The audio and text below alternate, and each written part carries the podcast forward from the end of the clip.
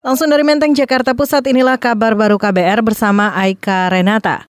Polri meningkatkan kewaspadaan pasca ledakan bom di Kartasura Sukoharjo Senin malam. Juru bicara Mabes Polri Dedi Prasetyo menyatakan kepolisian tak ingin menganggap remeh aksi teror tersebut. Dedi juga menyatakan polisi bakal melakukan upaya preventif untuk mencegah serangan-serangan teror susulan, khususnya saat momentum lebaran ini. Guna memitigasi dan mengantisipasi kalau kemungkinan aksi terorisme yang mungkin masih bisa dilakukan ya oleh baik itu oleh kelompok dalam bentuk jaringan yang struktur yang maupun oleh uh, lone wolf seperti sleeping cell yang terpapar oleh paham radikal ISIS. Juru bicara Mabes Polri Dedi Prasetyo menambahkan jajaran kepolisian di tingkat Polres hingga Polda telah membuat rencana pengamanan khusus untuk Lebaran. Salah satu rencananya adalah menempatkan Polri dan TNI di seluruh titik yang dijadikan tempat sholat Idul Fitri besok. Kita beralih, Setara Institut menilai tindakan terorisme di pos polisi Kartasura Sukoharjo, Jawa Tengah merupakan buah dari intoleransi yang dipupuk dengan eksklusivitas seseorang dalam beragama.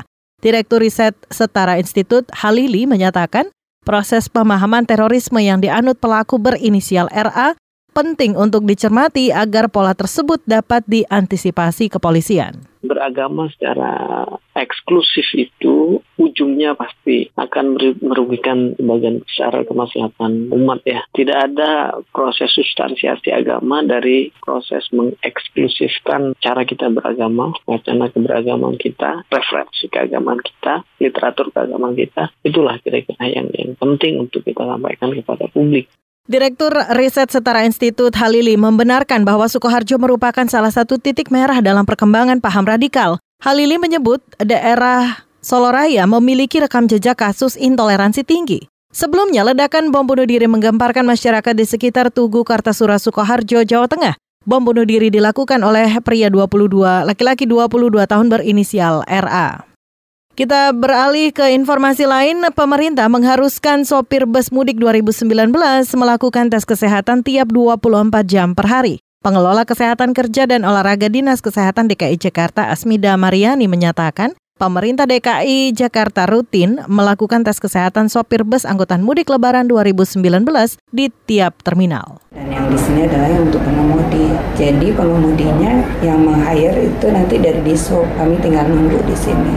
Nah itu pemeriksaan satu kali 24 jam. Kalaupun nanti setelah diperiksa kita berikan kartu laik mengemudi, itu berlakunya hanya untuk 24 jam. Setelah 24 jam dia harus diperiksa kembali.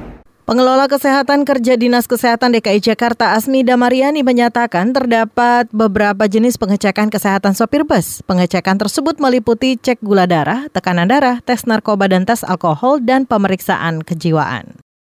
Kita beralih ke satu informasi lainnya, Kementerian Agama Kota Solo meminta masyarakat menggelar sholat Idul Fitri tidak menutup akses jalan. Kepala Kementerian Agama Kota Solo Mustain berharap masyarakat bisa menggunakan masjid, lapangan, atau tanah kosong untuk lokasi penyelenggaraan sholat id. Kita sikapi kaitannya dengan penyelenggaraan sholat Idul Fitri. Tahun ini kita berharap agar eh, para penyelenggara sholat Idul Fitri menghindari penggunaan jalan raya. Dan kalau memang terpaksa harus di situ harus dikoordinasikan dengan baik nanti dengan kami, dengan dishub begitu ya. Jadi jangan ada penyelenggaraan yang tidak terkoordinasikan untuk kebaikan semua.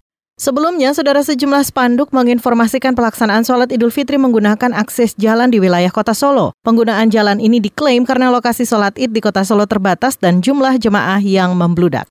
Demikian kabar baru dari kantor Berita Radio KBR, saya Aika Renata.